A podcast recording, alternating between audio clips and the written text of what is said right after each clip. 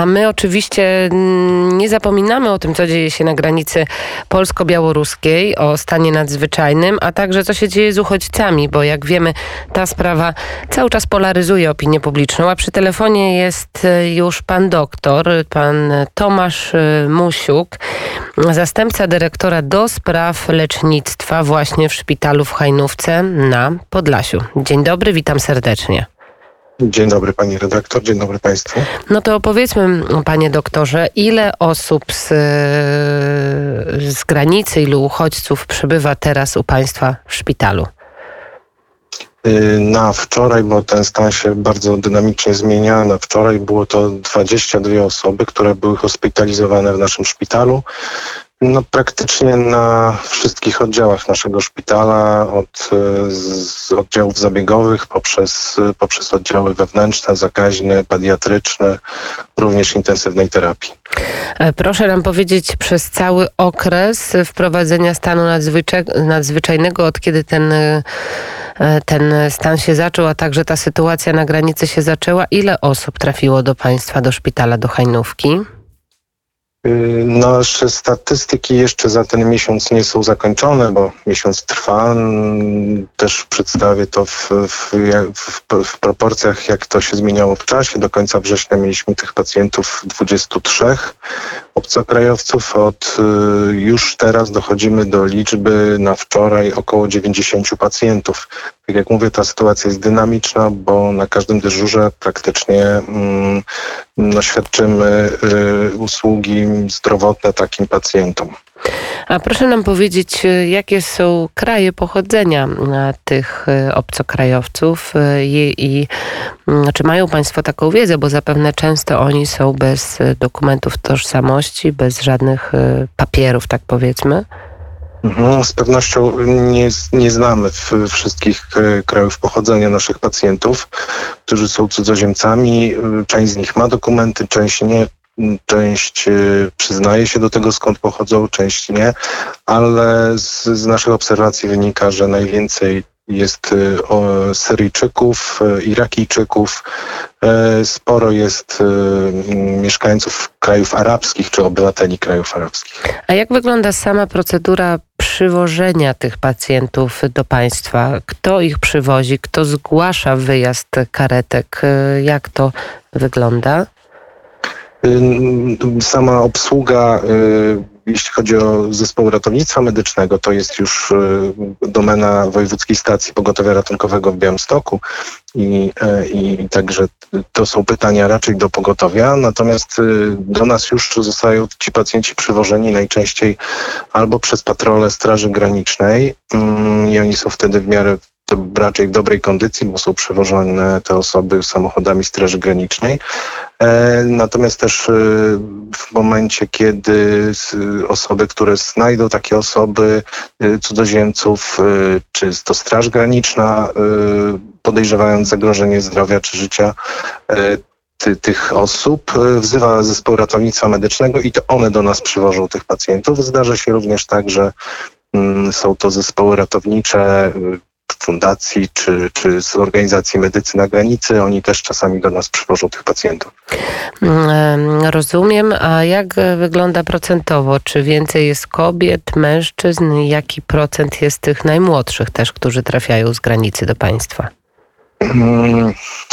Nie robimy jeszcze takich statystyk, y, ale z obserwacji naszych wynika, że raczej y, przywożeni są do nas y, różni pacjenci, kobiety i mężczyźni i dzieci, natomiast potrzeby hospitalizacji raczej jest wskazana częściej w przypadku kobiet i no, w większości dzieci, tak.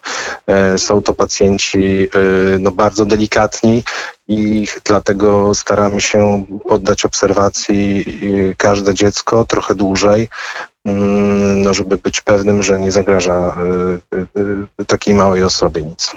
W dobie jeszcze mm, pandemii COVID, w dobie tego nasilonego takiego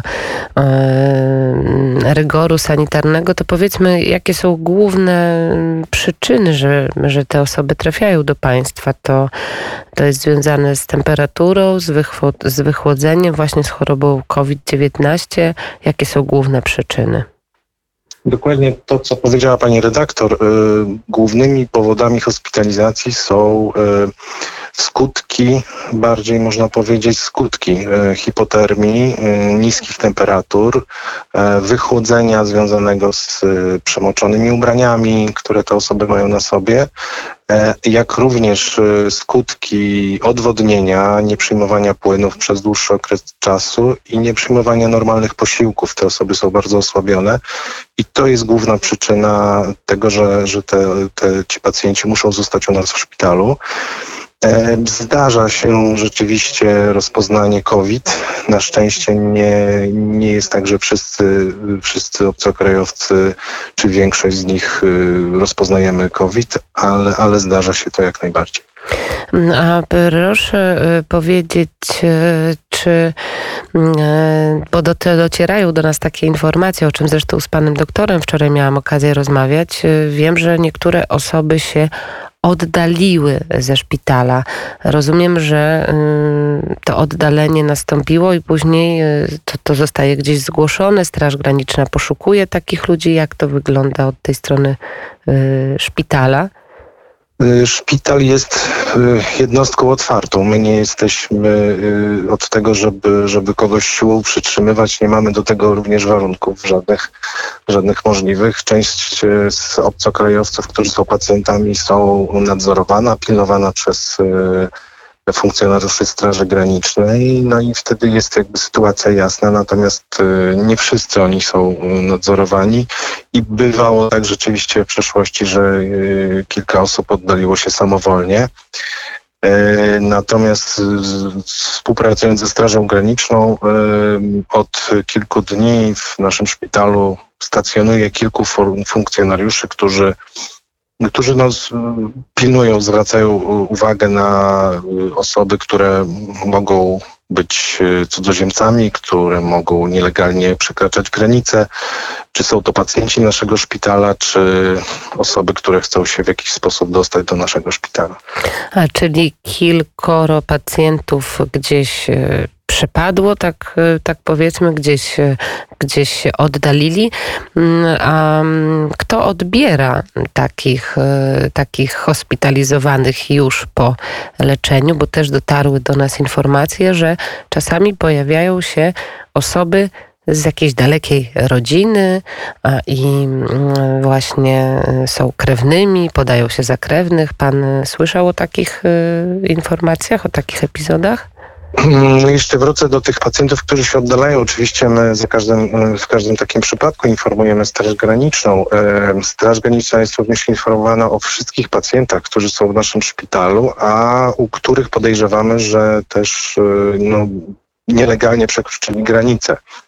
E, I mm, odpowiadając na Pani pytanie, w przypadku, kiedy kończymy taką hospitalizację, chcemy pacjenta wypisać, Również informujemy Straż Graniczną o chęci takiego wypisu i yy, najczęściej jest tak, że funkcjonariusze przyjeżdżają, odbierają tych pacjentów. Jeśli chodzi o rodziny, to rzeczywiście zgłasza... Najczęściej, no, tak, a jeżeli chodzi o rodziny? Mhm.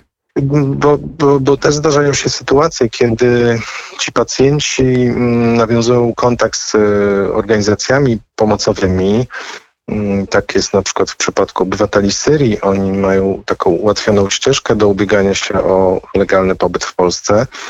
E, I, I wtedy czasami na, dochodzi do współpracy fundacji, Straży Granicznej i my wtedy mamy informację, że takie osoby na przykład może odebrać, e, mogą odebrać osoby z jakiejś fundacji i takie, takie zdarzenia też, się, też mają miejsce, natomiast one są wszystkie pod nadzorem Straży Granicznej, te działania wykonywane.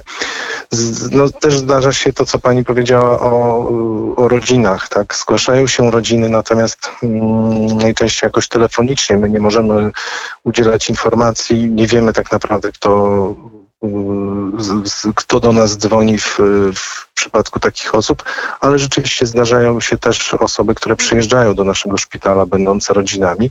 Wtedy też e, informujemy Straż Graniczną. e, No, myślę, że to też jest w miarę pomocne do identyfikacji osób, które, które e, przekroczyły granicę nielegalnie, bądź się podejrzewa No tak, to jest na pewno też trudny orzech do zgryzienia, jeżeli chodzi właśnie o weryfikację, czy taka rodzina rzeczywiście tą rodziną jest, czy nie jest, ale o tym będę rozmawiała za kilka minut już z rzeczniczką Straży Granicznej. Jeszcze pytanie, w jakim języku rozmawiają e, pacjenci, w jakim języku porozumiewają się e, e, w szpitalu? Y, Najczęściej niestety y, tylko w swoich językach y, ojczystych. I to są, i to są arabskie języki czy kurdyjskie, różne dialekty. I rzeczywiście to sprawia nam duży problem w, w jakimś łatwym porozumiewaniu się. E, Czasami zdarza się, że Straż Graniczna e, przyjeżdża, przywozi tłumacza, który nam pomaga przy tym. My też posiłkujemy się kontaktami ze swoimi kolegami, którzy e, są na przykład Syryjczykami, są lekarzami w Polsce od wielu lat i oni nam pomagają tłumaczyć. Część osób mówi po angielsku czy po francusku, no są to języki, które gdzieś tam ktoś w szpitalu zawsze się posługuje i, i no jakoś sobie radzimy. No, Bardzo mm, dziękuję e, za ten głos prosto ze szpitala, który jest e, właśnie w, tym, e, w tej strefie nadzwyczajnej. Opowiadał pan Tomasz Musiuk, zastępca dyrektora do spraw lecznictwa w szpitalu w Hajnówce. Dziękuję bardzo, no i powodzenia i dużo zdrowia życzymy w takim razie. Życzę wszystkim zdrowia. Dziękujemy bardzo. Za kilka chwil będziemy rozmawiać z mm, panią rzecznik Straży Granicznej, która opowie nam dokładnie, jak ta weryfikacja następuje, co dzieje się z tymi uchodźcami i jak wygląda sytuacja na granicy. A teraz o miłości zaśpiewa zespół ze Szczecina.